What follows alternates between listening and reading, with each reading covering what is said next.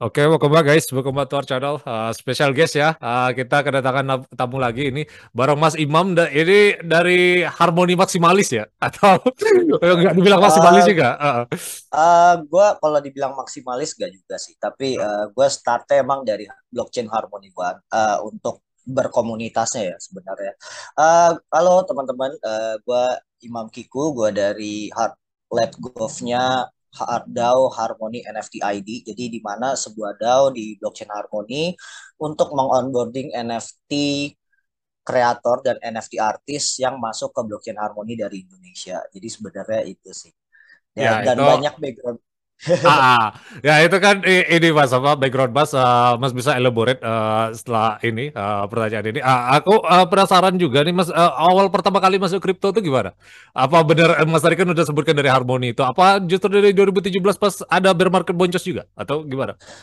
Gua malah masuk itu pas crash 2018 gua oh. pas buat baru lulus kuliah. Gua empat bulan cari kerja susah. Jadi gue dengan modal uang jajan seadanya gue belajar trading dulu. Tapi tradingnya bukan future ya yang pasang long short ya, cuma iya, spot yeah. trading biasa. Jadi kayak beli hari apa, jual hari apa gitu, basic lah, something like that. Nah terus gue itu dari situ gue mikir apakah kripto itu cuma trading kan? Kayaknya enggak sih gitu. Terus mulai uh, 2019an masuk, uh, gue diajak uh, anak-anak airdrop hunter anak-anak airdrop hunter cari airdrop airdrop. Nggak danta tuh koin micin segala macem jual. Cuma nggak bertahan lama kayak tiga empat bulan kayak capek gitu kan. Kayak eh nih ya. kayak orang lapar mata banget caranya gitu kan. Akhirnya ya wes gitu. Akhirnya mulai belajar uh, lebih serius uh, dari smart contract coba di apps. Bahkan per, dulu uh, awal-awal di apps Ethereum yang DeFi DeFi 2019 bahkan yeah, yeah, gue dulu sampai sampai hilang 6 Ethereum dulu gua tahun 2019 Waduh. karena iya dulu gue mikirnya kan ah 6 Ethereum saat itu 24 juta kan jadi ya mungkin yeah. ya masih bisa take L lah gitu. tapi pas sekarang eh nyesel ah. banget klasik lah itu uh. parah parah nah terus uh, sebenarnya karena gue juga dulu uh, hobi bikin musik sebenarnya uh, gue musik produser juga dari uh, bikin di Evel Studio terus pas dengar ada NFT di 2020 awal, gue pikir wah udah saatnya nih. Nah, gue belajar dulu tentang NFT, masa depan bisnisnya kayak apa segala macam. Sampai akhirnya gue memutuskan Maret, eh, April sorry, April akhir gue bikin musik kolektif NFT namanya Scootbeat, uh, S E K U D B E A T. Yeah, uh, mungkin bol ya boleh. Ya di Twitter handle-nya ada di bio mas kan? Iya. Iya, nanti itu kelihatan kok di bio gue ada ya. di situ on Scootbeat. Nah, jadi gue bikin dari situ akhirnya gue ajak beberapa teman dan ternyata teman-teman gue ada yang mantan DJ, ada yang mantan anak orkestra segala macam ikut uh, bikin uh, musik kolektif ini sampai sekarang alhamdulillah masih jalan dan kita ada kegiatan mingguan juga uh, live stream di metaverse bikin beat, bikin musik di metaverse setiap hari Rabu gitu jam 10 malam. Terus ya. habis itu gar pas 2021 teman gua yang di musik kolektif ini mikir, wah kalau musik kolektif uh, influence-nya lama kata dia. Terus gue bilang, lu maunya gimana? Dia bilang bikin konten kripto aja yuk. Terus gue liat, wah konten kripto udah kebanyakan banget nih kan. Kayak ya, orang ya. udah bahas teknikal, udah bahas ini itu terus uh, gua terus dia bilang bahas aja hidden gem gitu hidden gem di apps atau ulas yang sesuatu yang menarik airdrop, ya? gitu. Ya? nah nggak mesti airdrop sih oh, mungkin kayak uh, project-project dan teknisnya mungkin gimana cara mentranslate teknis dari sebuah project ke orang awam nah itu kan ya, susah ya, ya nah susah. itu akhirnya gue bikin namanya Decentra Boys nah jadi sama temen gue jadi temen gue yang mungkin bantu kayak social media engineering ya segala macam. Gue yang bikin kontennya gitu. Nah terus gara-gara dan emang gue pertama kali masuk komunitas kripto itu justru kan dari Harmoni sebenarnya. Jadi 2019 ya. akhir Desember Desember 2019 gue masuk telegramnya Harmoni gue tuh orangnya uh, sebenarnya agak-agak scare juga tuh masuk ke grup yang orang gak dikenal. Gue nggak kenal siapa-siapa tapi yeah. akhirnya gue memberanikan diri untuk uh, kenalan dengan orang-orang di sana dan ternyata yeah. oh dari semua community kripto gue ternyata cocok di sana dan akhirnya tahun yeah. 2021 Maret 2000 eh Maret 2022 kemarin itu yeah. gue diminta sama DAO Regional Harmony Indonesia ayo dong bikin uh, onboarding NFT di Harmony awalnya gue belum mengiyakan saat itu sampai akhirnya mau menjelang April gue bilang oke okay deh uh, kita coba dulu let's see dan alhamdulillah ternyata komunitinya terbentuk sih somehow ya cukup surprising sih ya yeah. the rest history lah iya iya jadi ya itu ya guys sampai uh, bos Ya kalau dibilang ambasador nggak juga ya, tapi lebih ke ya ngajarin fundamental ke orang, terus uh, merepresentasikan harmoni, coba uh, mas bikin project yang uh, NFT musik tadi ya. Uh, mungkin ya, ya kalau kalian tertarik guys uh, Rabu malam ya Mas. Itu tiap Rabu malam space ya. Ya, uh, bukan di space sih, lebih tepatnya nanti ada link Gator Town ya. Jadi di Twitter Scoopbit oh, okay. itu kita kita pakai Metaverse Gator Town itu okay. dia terintegrasi ke Harmony juga uh, namanya Crypto Arcade. Jadi ada project yang pakai engine Crypto Arcade uh, untuk metaverse dua dimensi. Nah, itu kan dia sistem share screen buat live stream bikin bitnya gampang. Jadi kita ya. pakai itu gitu. Oh, Dan itu setiap gitu. Rabu jam 10 malam waktu Jakarta ya. Ya, ntar kalau kalian tertarik guys, aku bisa share di link deskripsi. Jadi seperti itu. Uh, terus uh, karena Mas sudah share background Mas tadi kan. Nah, aha momennya sendiri Mas, uh, yang Mas bilang bahwa Bitcoin atau crypto is here to stay, is no going anywhere. Maksudnya uh, kan soalnya ada bubble juga kan sebelumnya kan. Uh, bikin kita nggak yakin bahwa ini cuma scam atau kayak gimana. Nah, aha momennya sendiri gimana Mas? Uh, sebenarnya sih kalau gue lihat uh, secara blockchainnya dulu ya, kita ngomong secara blockchain in generalnya ya. Uh, teknologinya tuh udah cukup menarik sih, di mana orang udah beranggap oh blockchain is a new way to running a business sebenarnya. Uh, dari mungkin kalau paling gampang kita bisa lihat uh, perbankan pun terpaksa kan uh, membuat CBDC kan uh, dari bank-bank sentral dunia untuk gimana cara keep up dengan transaksi tercepat di Bitcoin. Bahkan ada salah satu studi yang sebenarnya gue baru banget bikin konten ya ke Jumat kemarin. Jadi di dari studio Coinbase untuk transaksi kripto itu sebenarnya sudah memenuhi standar yang ditentukan oleh G20 sebenarnya. Ya. Ya. Nah, tapi belum memenuhi standar 2050 ke depan yang ditentuin sama United Nations dan gara-gara ini ini membuat kayak per, uh, perbankan konvensional tuh ngelihatnya wah ini ada sesuatu yang bisa diulik gitu. Nah, yeah. despite kalau kita lihat kayak dari komunitinya ada yang uh, misalnya scam atau apa, sebenarnya sekarang pun orang sudah mulai aware dan udah banyak malah blockchain analis, terus ada project analis yang di mana mereka ngebantu community yang terutama bukan backgroundnya coder ya atau programmer. Ya. ayo uh, ini gue bisa ulas kayak gitu. Nah jadi uh, mas uh, nganggap ini aha momennya setelah mas uh, tahu ini ya apa uh, sisi blockchainnya. Maksudnya secara fundamental walaupun nggak terlalu mendalami coding tapi uh, secara fundamental uh, mas bawa uh, menganggap bahwa ini uh, is here to stay lah. Maksudnya ini bukan cuma sekedar scam atau apa kayak gitu ya. Benar benar. Nah ya jadi uh, seperti itu ya. Nah karena mas uh, ini dari representatif dari Harmoni ini kan kita um, barusan ini ya ada berita bukan berita duka juga sih. Maksudnya uh, mungkin Uh, ini sering terjadi ya di blockchain, apalagi yang proof of stake kayak gitu ya. Kemarin si Solana, terus ada Nomad Hack Attack, terus ya Harmony juga pernah di exploit attack. Uh, menurut Mas uh, L2 ini uh, secure nggak memang? Kalau memang uh, kita ngelihat dari project yang bisa di exploit kayak gitu? Uh, ini mungkin diluruskan dulu ya sebenarnya. Uh, Harmony itu bukan L2 ya, dia sebenarnya L1. Tapi oh, dia okay. mau dia mau migrate untuk terintegrasi dengan EVM atau untuk integrasi ke Ethereum ya. Karena di mana seperti yang kita tahu Ethereum itu kan sumber ekonomi terbesar kripto saat ini ya untuk pergunaan di apps ya gitu untuk ya. traffic transaksi. Untuk bikin nah, scalable lah kan. Iya. Benar benar. Nah jadi uh, mungkin langsung aja ke topik untuk soal hacknya ya. ya. Jadi sebenarnya kalau di Harmony ini kan kalau ditangkap orang awam adalah mereka punya multisig wallet yang di mana multisig itu kan hanya bisa di launching transaksinya kalau sudah mencapai approval mayoritas. Nah, jadi ada salah satu hack bridge walletnya. Wallet, ya, itu yang nomad uh, bridge kemarin, ya. Oh, bukan, bukan. Ini kita ngomong yang harmoni dulu. Ya, harmoni ya, harmoni juga. Tapi uh, secara nggak uh, langsung hampir sama sih uh, bridge uh, attack wallet sama Oh, harmoni. ada ada bedanya. Ada bedanya. Oh, ada bedanya. Nanti gua gua bisa jelasin sedikit mungkin. Oke, okay, uh, oke. Okay. Secara okay. awamnya ya. Jadi okay. Kalau di harmoni yang kemarin Horizon Bridge uh, itu 100 juta dolar ya. Uh, jadi kalau kita belajar mekanisme bridge, bridge itu kan sebenarnya tidak dalam artian benar-benar koinnya pin atau tokennya pindah ya dari satu blockchain ke blockchain lain. Jadi dia cuma bikin uh, misalnya oh Ethereum dari blockchain Ethereum kalau mau masuk di Harmony dia bikin tok uh, token tiruan ya supaya bisa satu banding satu saat kita mau pindahin saldonya. Sebenarnya kan kayak gitu. Nah di Harmony ini beberapa token tiruannya ini kehilangan uh, penyimbang satu banding satunya karena yang di sisi Ethereumnya itu dikuras. Nah, dikurasnya karena ada permasalahan saat approval multisig walletnya. Nah, hmm.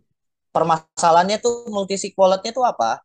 Uh, permasalahannya itu adalah karena harusnya kan dia multisig walletnya itu cuma dijaga sama empat orang. Harusnya kan kalau approval mayoritas itu kan tiga perempat ya.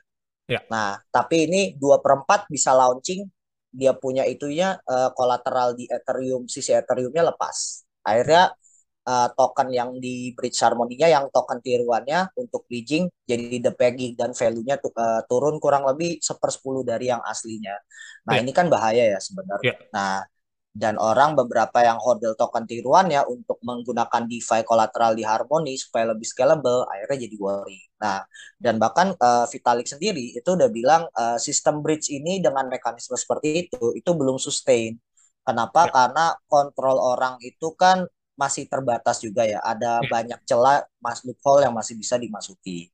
Hmm. Nah, terus uh, lucunya adalah setelah diteliti uh, ternyata multisignya kenapa cuma 50% bukan mayoritas dari empat orang itu? Yang di mana itu harusnya tiga per empat orang yang bisa jalan ya transaksinya. Yeah.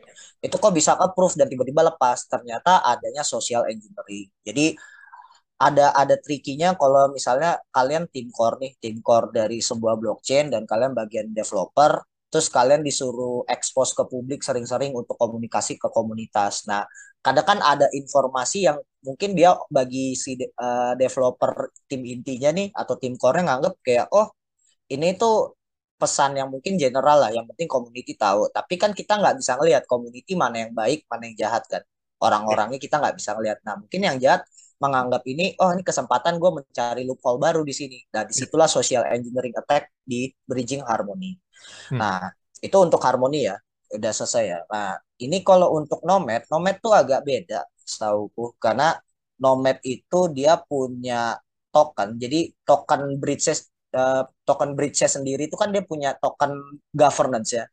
Nah, governance token governance ya governance tokennya ini di exploit Nah, di exploit yang di mana menyebabkan beberapa transaksi yang transaksi approval antar bridge itu jadi nggak jalan. Yang harusnya jalannya sesuai dengan tujuan para usernya, malah kok masuk ke wallet hacker. Nah, ini kan hmm. aneh kan. Hmm. Nah, itu justru lebih berbahaya dan di mana harusnya bridge itu tidak boleh ada governance token. Ya, ini menurut aku pribadi ya. Kenapa? Karena kalau yeah. ada governance token sekalinya dihack, yang kontrol power votingnya kan si hackernya.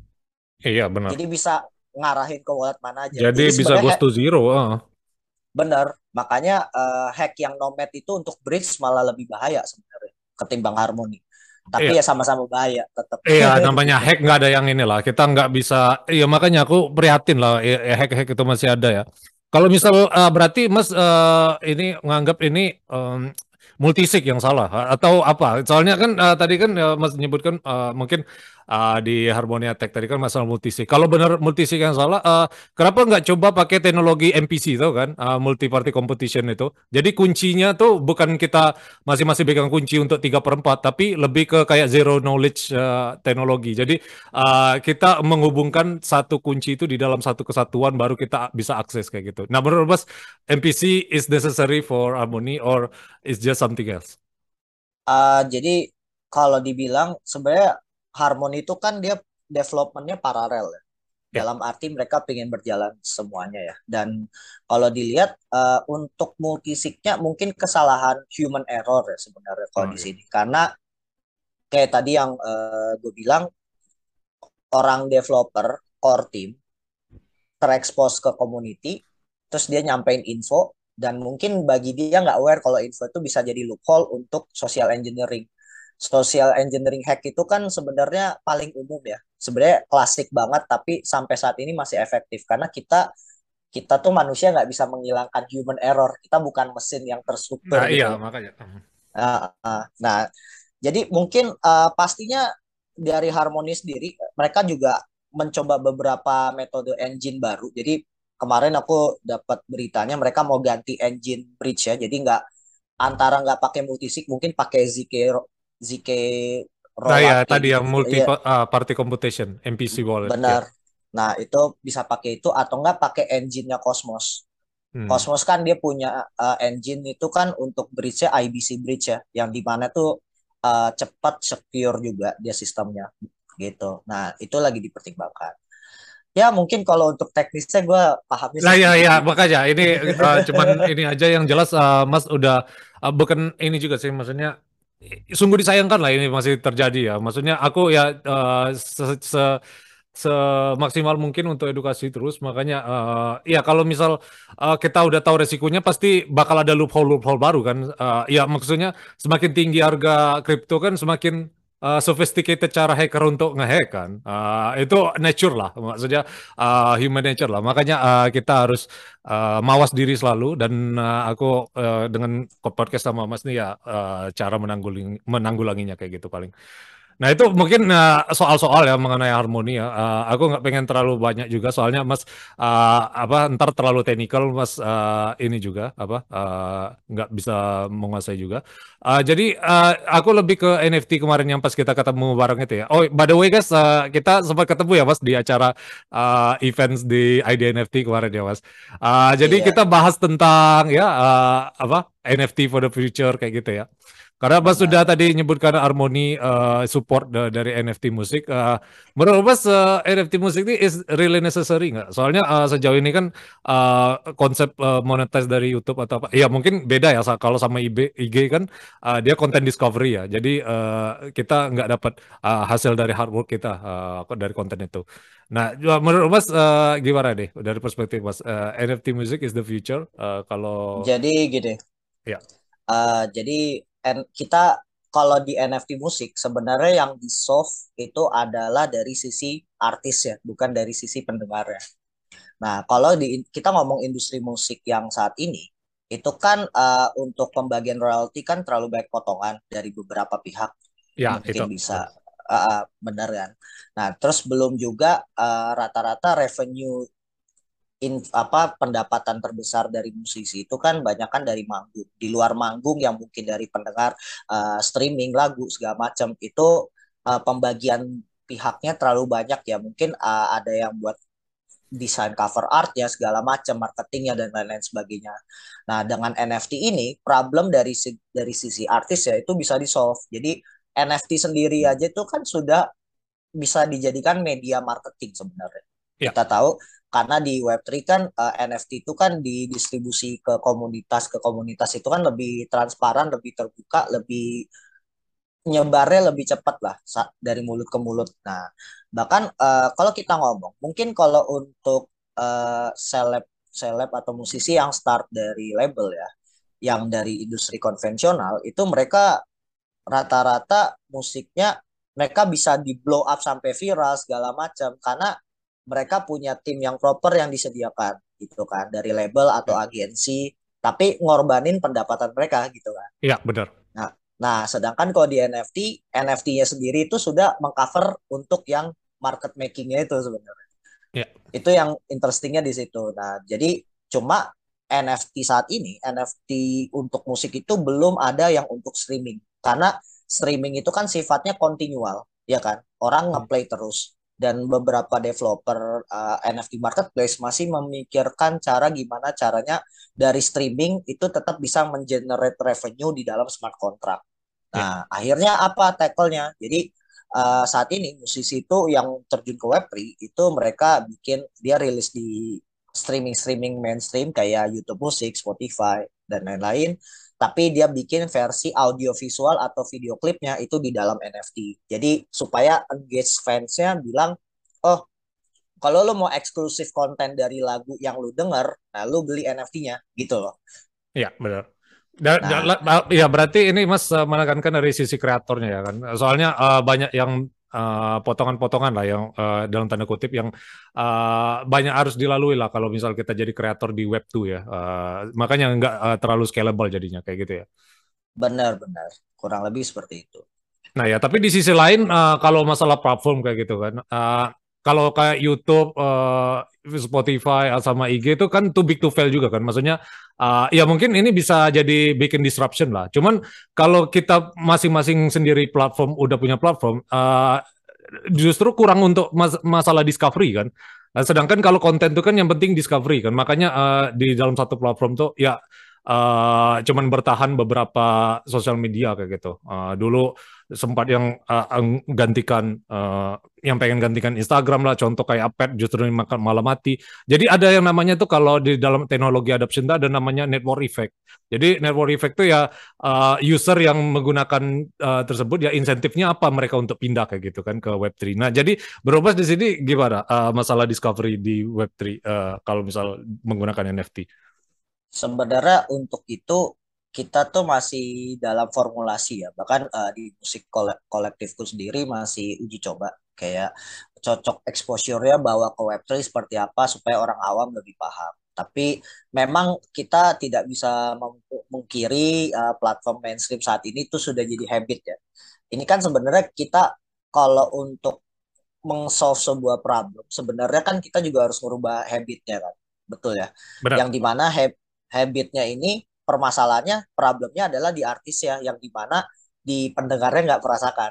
Nah kita harus gimana caranya uh, mendisrupt habit ini kita ngasih tahu lu kalau mau sama-sama enak jadi yang enak bukan fansnya doang tapi artisnya juga merasa enak ini kita ada solusi. Tapi habitnya mungkin kita belajar dulu ya gitu. Ya. mungkin emang tidak dalam waktu bentar pasti ada ya, ya bisa tahu paradigm shift lah ya benar. Tapi uh, menurut gue sendiri ini akan menjadi sangat menarik karena beberapa dari industri-industri musik yang di mana sistem revenue-nya lebih kalau gue bilang apa ya lebih terdistribusi ya atau lebih scattered pembagian potongan-potongannya kayak di genre EDM atau genre hip hop itu kan dia lebih keras ya pembagiannya ya. ya. Nah itu mereka udah mulai aware oh ini Web3 satu-satunya jalan mereka untuk revolusi itu gitu dan itu alasannya di Scoot Beat sendiri kita nge-up-nya genre EDM dan hip hop utama poinnya karena kita melihat di Indonesia sendiri uh, terlalu banyak musisi-musisi, musik produser, bahkan DJ-DJ yang EDM dan hip hop mereka tuh terlalu sering berjuang sendirian. Ya. Sedangkan mereka ketika untuk akses uh, mendistribusikan lagunya mereka nggak dapat seberapa gitu kan kayaknya sayang ya, banget benar. gitu.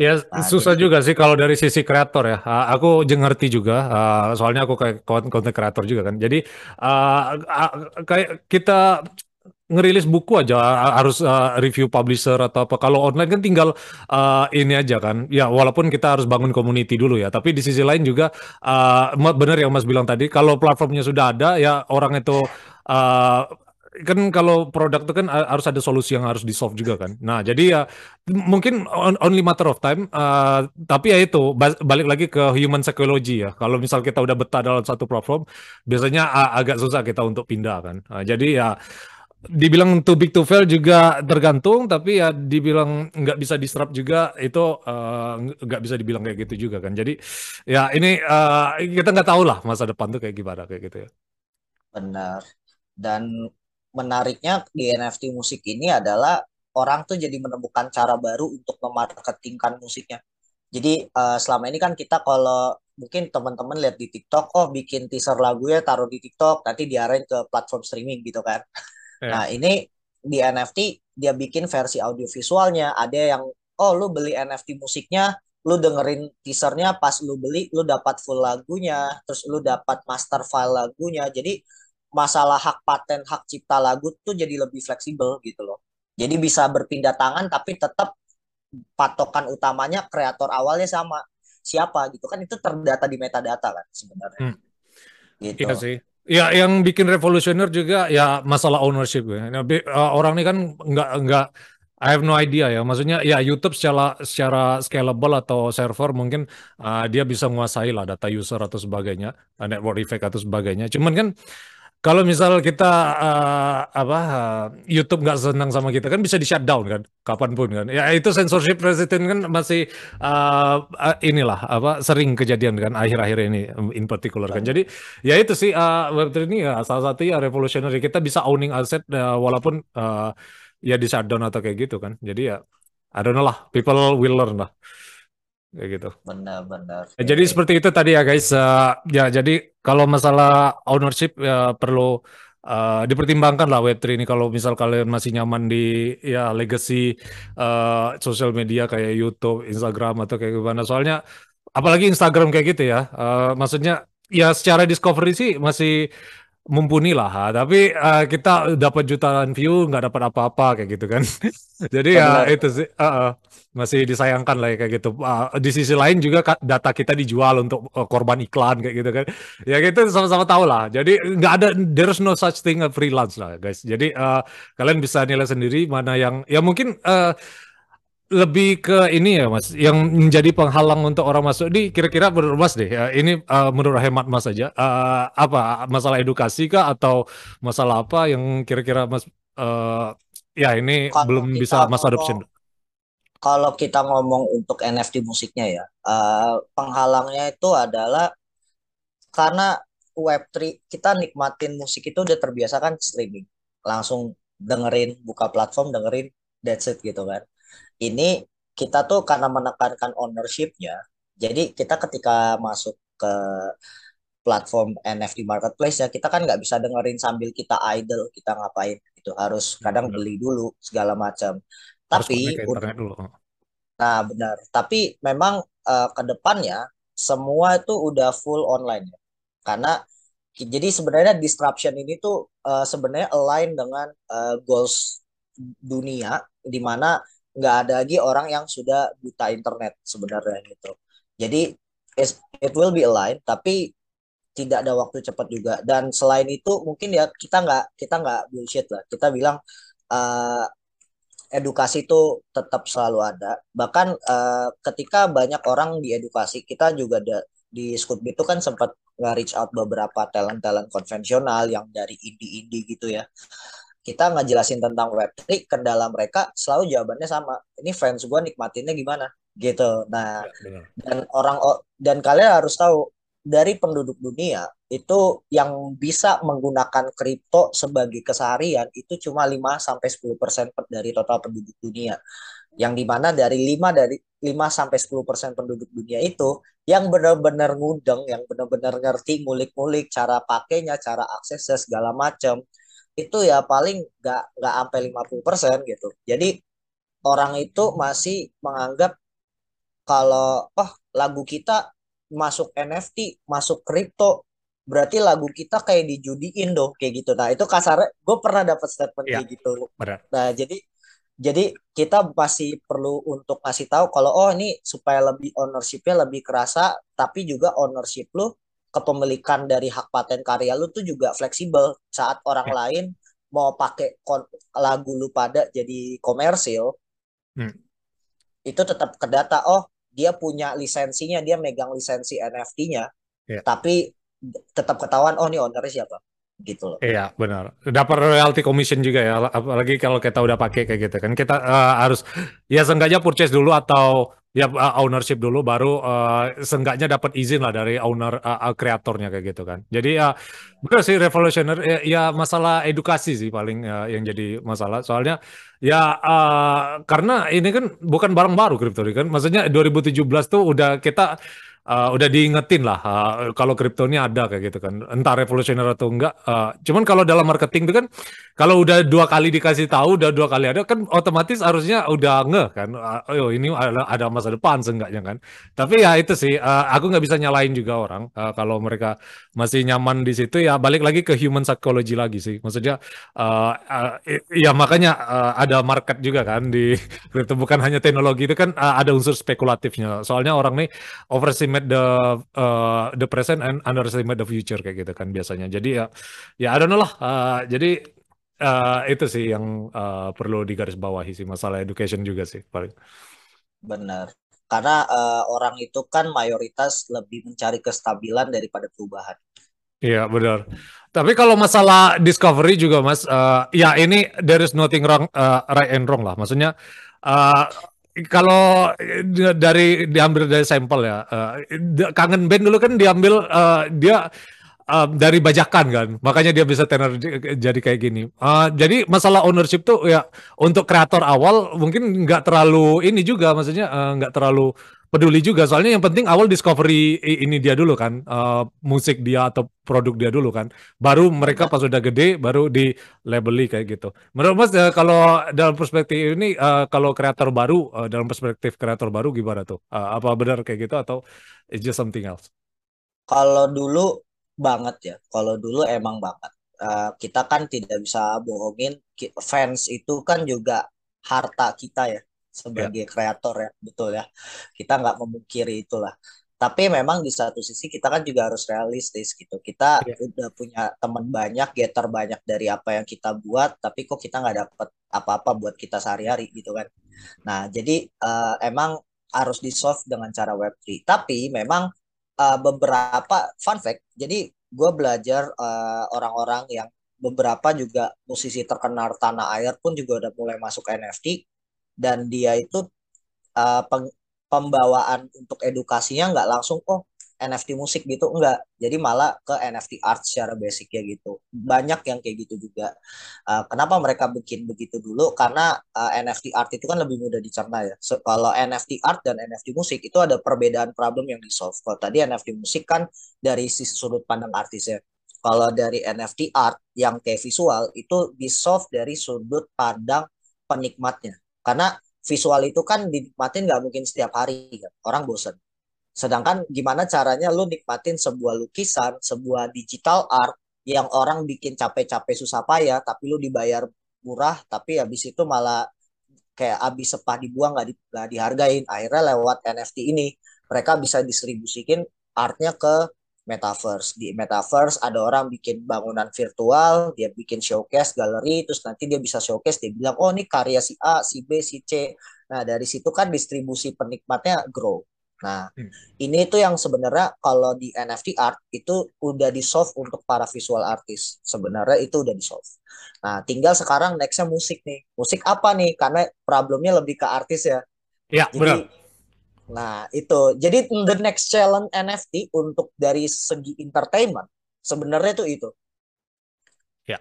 Ya, soalnya juga uh, pernah uh, aku lupa sih uh, contohnya. Maksudnya um, bukan contohnya tapi uh, orang yang dicontohnya. Tapi pernah ada konser musik ke uh, metaverse kalau nggak salah. Uh, itu beneran kita sampai pakai VR terus uh, muncul di sana. Ya mungkin uh, ke depannya kayak gitu juga ya. Tapi uh, kita nggak tahu teknologi ini kan. Uh, kemarin juga musisi juga banyak yang masuk juga Eminem juga udah masuk kan uh, di Web3 terus uh, si siapa namanya? Uh, Snoop Dogg juga. Jadi ya adalah eh, benar yang Mas bilang tadi ya kita uh, perlu mintingin dari masalah uh, kreatornya juga ya kayak gitu ya.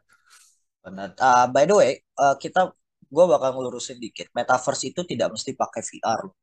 Metaverse iya, itu kan sebenarnya dalam kita kalau ditranslate artinya itu kan dunia virtual, dunia iya. semu. Nah, di mana uh, metaverse itu harusnya bisa diakses semua orang tanpa perlu alat aneh-aneh. Sebenarnya kan gitu. Iya. Nah, Ya itu dan, itu jadi ini orang juga lah, maksudnya uh, ya miskonsepsi atau all that. Tapi uh, ya kayak kita zoom ini aja udah termasuk metaverse kan, maksudnya kita ngobrol kayak gini. Ya eh, ini apa perspektifnya mungkin yang apa uh, bikin beda kayak gitu ya, mungkin. Bener dan, dan orang itu miskonsepsinya karena metaverse itu sebuah gimmick yang harus keren. Gitu. Sebenarnya iya. dunia internet kita akses sosmed biasa sudah metaverse sebenarnya, tapi belum yang paten gitu. Maksudnya belum benar-benar sempurna lah experience-nya gitu. Dan okay. orang tuh bakal bertanya kayak oh kalau metaverse selain buat kegiatan apalagi sih? Gitu. Nah sebenarnya kan kalau di luar itu kan udah banyak kayak marketing marketing dia punya apa konten-konten produknya daripada brosur dia nyebarin brosur atau postingan di sosmed biasa dia biarkan para calon-calon pembelinya nikmatin experience dari katalog produknya dulu di metaverse nanti mereka yeah. beli atau enggak itu urusan belakangan yeah. karena nanti kan experience-nya yang dijual dia cerita mulut ke mulut akhirnya weh ternyata si toko A punya metaverse produknya jual ini ini loh ternyata gue bisa nyobain mainin sebelum gue beli produknya beneran dan akhirnya salesnya tercipta gitu. Keren gitu jadi. Iya. Jadi ya itu sih benar masalah ownership juga sih. Maksudnya ya metaverse ini mungkin orang masih tabu ya pemikirannya ya uh, dan itu wajar lah uh, teknologi baru kan awal-awal internet juga yang pakai kriminal terus tapi kita tetap pakai internet sekarang kan. Jadi ya itu sih apa uh, benar uh, ini tinggal masalah waktu aja sebelum orang uh, ya masuk ke dunia metaverse atau NFT kayak gitu. Terus masalah monet monetization konten uh, itu gimana Mas kalau di NFT itu sendiri? Apakah benar-benar adil apalagi kalau udah dia masukin DAO ya? Apalagi yang kemarin yang kayak Solen uh, protokol. Ya walaupun itu bukan 100% DAO juga soalnya itu governance token kan. Jadi mereka ambil alih kayak gitu. Jadi Mas monetization konten di NFT atau metaverse itu uh, fair atau enggak? Uh, tadi kan Mas bilang soalnya uh, ini balik lagi ke kreatornya kayak gitu kan. Uh, sebenarnya gini kalau di monetisasi dari sudut pandang NFT dulu. NFT saat ini mekanismenya adalah orang beli metadata lisensi karyanya dari pembeli pertama kedua nanti pembeli kedua ke ketiga itu dia secondary, secondary nge-resell tapi harga lebih tinggi dan potongan royaltinya kan dikirim ke kreator ya kan. Ya. Nah, cuma sistem model bisnis kayak gini orang kan menemukan kalau untuk beberapa jenis karya ditaruh di NFT kayaknya agak problematik gitu karena kan nggak semua karya uh, value-nya tuh progresif naik gitu.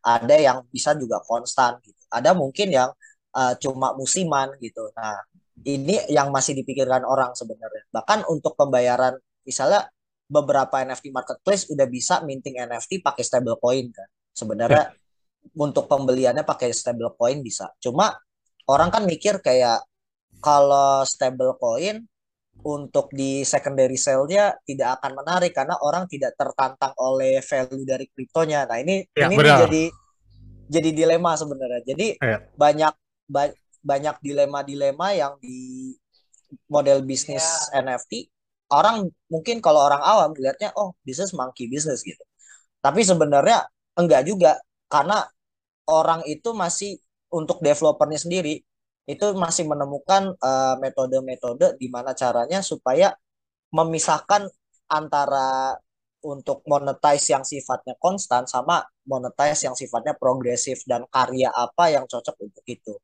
Bahkan kalau kita lihat, kita belajar dari PFP Project ya. PFP Project itu kan bubble-nya gila-gilaan. Iya, kayak Gozali kemarin. nah, ya, ya, ya. nah, jadi PFP Project itu orang beli PFP-nya, orang demand-nya apa?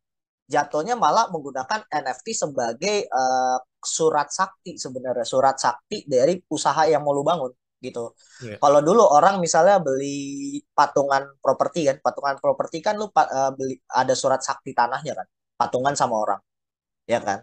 Nah kalau ini NFT mungkin usahanya apa? Mungkin ya bisa jadi digital agency atau mungkin apa gitu, kita nggak tahu lah ya. Tapi hmm. lewat PFP-nya itu, lu tuh udah jadi sesuatu yang eksklusif kelihatannya. Oh lu bagian dari circle NFT Project A, NFT Project B. Terus habis itu NFT Project A keluarin produk uh, merchandisingnya misalnya restoran atau apa. Berarti kan secara nggak langsung lu megang surat sakti dari restoran itu tapi versi digital. Kan keren ya sebenarnya. Iya. Ya itu lagi sih balik lagi ke network effect sama Markov law tadi sih. Maksudnya uh, kayak teknologi ini kan uh, winner takes all ya. Maksudnya ya mungkin PFV project uh, ada yang sustain, ada yang juga yang uh, goes to zero, ada yang rug pull juga kan. Kayak yang The Rock itu kan uh, ya goes to zero, terus Gozali mungkin kemarin juga mungkin dia udah bikin project baru, cuman yang PFV juga kayak gitu.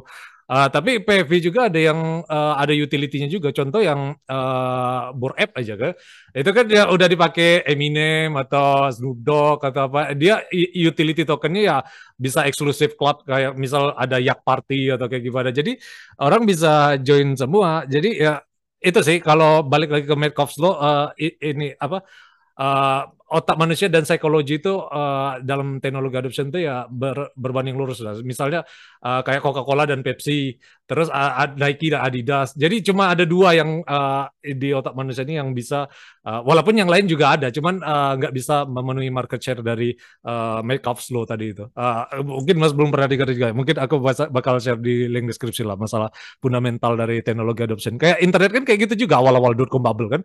Kita nggak tahu ini iya. semua orang bikin uh, apa .com bubble, maksudnya uh, bikin situs.com semua kan uh, dengan embel-embel uh, bisa revolusioner kayak gitu. Tapi cuma dua yang bertahan, satu dua yang bertahan kan. Jadi ya itu sih nature-nya dan uh, mungkin ini berlaku juga untuk NFT kayak gitu ya mungkin ya.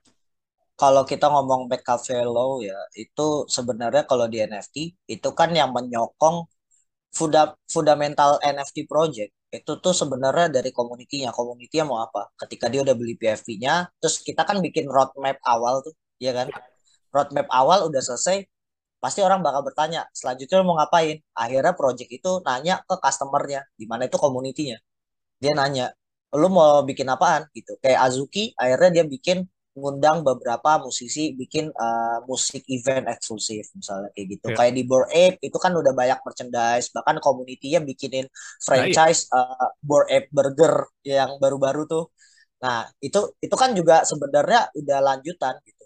Sama kayak beberapa kalau kita ngomong masalah NFT project ya sebenarnya siklusnya sama kayak kita bangun usaha di awal kayak kalau kita tahu sejarahnya mungkin uh, Samsung. Samsung kan awalnya nggak jualan HP, ya, ya kan? Benar. Tapi mereka ngikut ketika produk goals produk pertama yang udah selesai, mereka harus nyari sesuatu yang baru yang di mana ngedemand customernya juga kan, gitu. Ya. Nah itu itu juga berlaku di NFT project dan itu juga berlaku di crypto project juga gitu. Pokoknya apa pun usaha ini ini bukan kripto doang ya. Jadi semua tuh pasti begitu. Jadi menurut ya, gua, ya, human psychology lagi balik ya. Uh -uh. Gitu. Ya, jadi seperti itu ya guys. Uh, terus uh, ini terakhir aja mungkin karena udah mau sejam juga. Jadi aku uh, Mas ada urusan juga aku uh, takut ganggu waktunya juga. Terus uh, Mas ini kan uh, kalau uh, udah jadi uh, inilah edukasi juga kan maksudnya crypto youtuber uh, bagi orang yang belum tahu di uh, yang mas share di YouTube mas uh, kira-kira apa fundamental kah atau apa yang mungkin uh, bisa jadi valuable untuk people Uh, jadi sebenarnya Decentra Boys itu ada beberapa orang. Jadi ada beberapa yang bikin konten teknikal juga. Kalau di gua sendiri, gua fokusnya ngulas project atau kasus-kasus yang lagi happening di dunia kripto. Meskipun emang nggak semuanya bisa gua bahas karena banyak banget ya di kripto tuh uh, bombardir tren, ya, hype, bener. kasus uh. macam-macam. Jadi gua bahas yang mungkin kelihatannya gampang dinotis orang dan mungkin sedikit edukasi juga. Misalnya kayak konten terakhir ini gue bikin sudut pandang studinya dari Coinbase gue summary jadi dari artikel berpuluh-puluh halaman jadi video paling ya 15-20 menit kayak gitu-gitu. Jadi biar orang bisa cerna juga. Kayak gitu-gitu sih sebenarnya. Dan uh, eh, gue tuh bagi gue sendiri Decentrabus ini gue noras ya. Kan ada orang yang bikin konten kripto berharap kayak ayo langsung uh, berharap bisa join project gini-gini yeah, bisa yeah. dapat endorsement. Nah, kalau gue sebenarnya ini buat belajar ngasah ilmu gue tiap hari sih. Iya, benar, gitu. sama sih. Iya, soalnya ya aku juga ya bikin konten podcast kayak gini ya Ya selain kita apa pengen tahu isi kepala orang kan, uh, dan juga aku pengen sekalian edukasi orang. Tapi bukan hanya itu aja. Kalau misal konten bahasa Inggris, aku ini apa uh, ngajak konten orang bahasa Inggris ya aku uh, pengen belajar speaking English sih. Gak ada lawan speaking makanya ada ada sesuatu lah ya jelas uh, nggak nggak melulu duit kan value itu kan. Jadi uh, benar sih. Aku mungkin kita sama ya kayak gitu ya mas value proposition ya kalau masalah uh, content creation kayak gitu ya. Iya benar. Cuma mungkin Mas uh, Yuda lebih duluan aja. Aduh, enggak juga lah. Aku 2000 du, uh, kalau bikin kontennya sih 2020 ya. Ta tapi kalau uh, masuk kriptonya 2017 mungkin kayak gitu sih. Ntar kalau oh, ya pengen lebih lanjut, uh, Mas udah kaku di di channelnya lah. Part 2-nya Mas uh, udah kaku di channelnya mungkin bisa lah. Kayak gitu ya. Boleh, boleh. Nanti kapan-kapan uh, boleh lah. Iya, Kita ya, biasanya sih di Discord sih. Jadi Decentra Boys sama Scootbeat ini uh, aku buat satu Discord. Uh, kenapa? Jadi supaya teman-teman musisi yang pingin tahu kriptonya bisa lihat uh, di channel Discord Decentrabus ya. Nanti yeah. baru oh udah mulai paham pentingnya Web3 buat musik gua baru uh, belajar di Scoopbit ya gitu. Nah, iya. Paling gitu ya. sih modelannya. Uh, uh. Ya itu guys, kalau kalian tertarik dengan Scoopbit, uh, aku bisa share di link deskripsi. Uh, ini just for fun terakhir mas, uh, tadi terakhir terus cuma ini terakhir. Uh, Bitcoin karena mana nih? Maksudnya kripto karena apa? Masih bull market atau bear market? Mas ada spesifik target nggak ke berapa nih? Uh, untuk for the next two years lah, maksudnya uh, dua tahun ke depan lah kalau buat tahun ke depan gue nggak bisa ngomong harga ya karena gue yeah, iya. bukan yeah. trader Iya, iya. Maksudnya ini just for fun aja, just for fun. Iya. Yeah. yeah, Oke, okay. tapi yang pasti sih ya kalau dibilang naik naik ya gitu. Yeah. Dan kalau gue bilang mungkin ke depannya orang itu tidak terlalu invested ke Bitcoin ya, malah karena orang kan udah nyadar ya beberapa L1 udah ada ya aplikasi yang bisa dipakai gitu. Berharap aja mulai banyak aplikasi kripto yang bisa ada real life use case-nya ya. Itu ya. akan sangat seksi sih kalau untuk ke depan sih. Ya, spesifik price kalau Ethereum berapa, Harmony berapa. ya, itu sama aja. Atau uh, Bitcoin udah satu juta dolar atau seratus ribu. Ya, kalau kalau Bitcoin satu juta dolar dalam dua tahun, uh, kayaknya nggak nggak mungkin ya. ya terlalu gede. Tapi inevitable Tapi, kan itu kan? Maksudnya mungkin ya, uh, 10 pasti, tahun. Pasti ada pasti ada pasti ada momennya tapi kita nggak tahu ya. Yeah. tapi kalau Ethereum uh, gue juga nggak sabar untuk upgrade sep, uh, Septembernya karena kan udah mulai merging merge. Iya September gue lupa tanggal berapa. Kayaknya uh, pertengahan September so. nah itu Ethereum itu menurut gue mungkin bisa ngebreak ATH-nya sih. ATH-nya kemarin kan di 4.800 ya. Iya Iya, tapi mungkin bisa lebih. Tapi biasanya kalau udah berita hype-nya udah udah muncul produknya depan mata, biasanya kan market turun dulu. Iya, by the rumor sell the news lah, iya. Nah iya, biasanya turun dulu gitu. Nanti baru orang pump lagi kayak eh ternyata fiturnya menarik, baru pump lagi. Iya, gitu. makanya itu. Itu sering terjadi sih di kripto. Apalagi yang kemarin tuh yang Bitcoin halving kan uh, banyak by the rumor sell the newsnya. Giran halvingnya malah uh, anjlok. Jadi ya itu sih. Uh, jadi Ya udah mungkin that's it for today. Thank you Mas atas waktunya. Sukses terus untuk karirnya. Guys, uh, kalau misal kalian uh, tertarik tadi dengan project da dari Mas Imam bisa, aku share di link deskripsi. And leave a like and subscribe to our channel.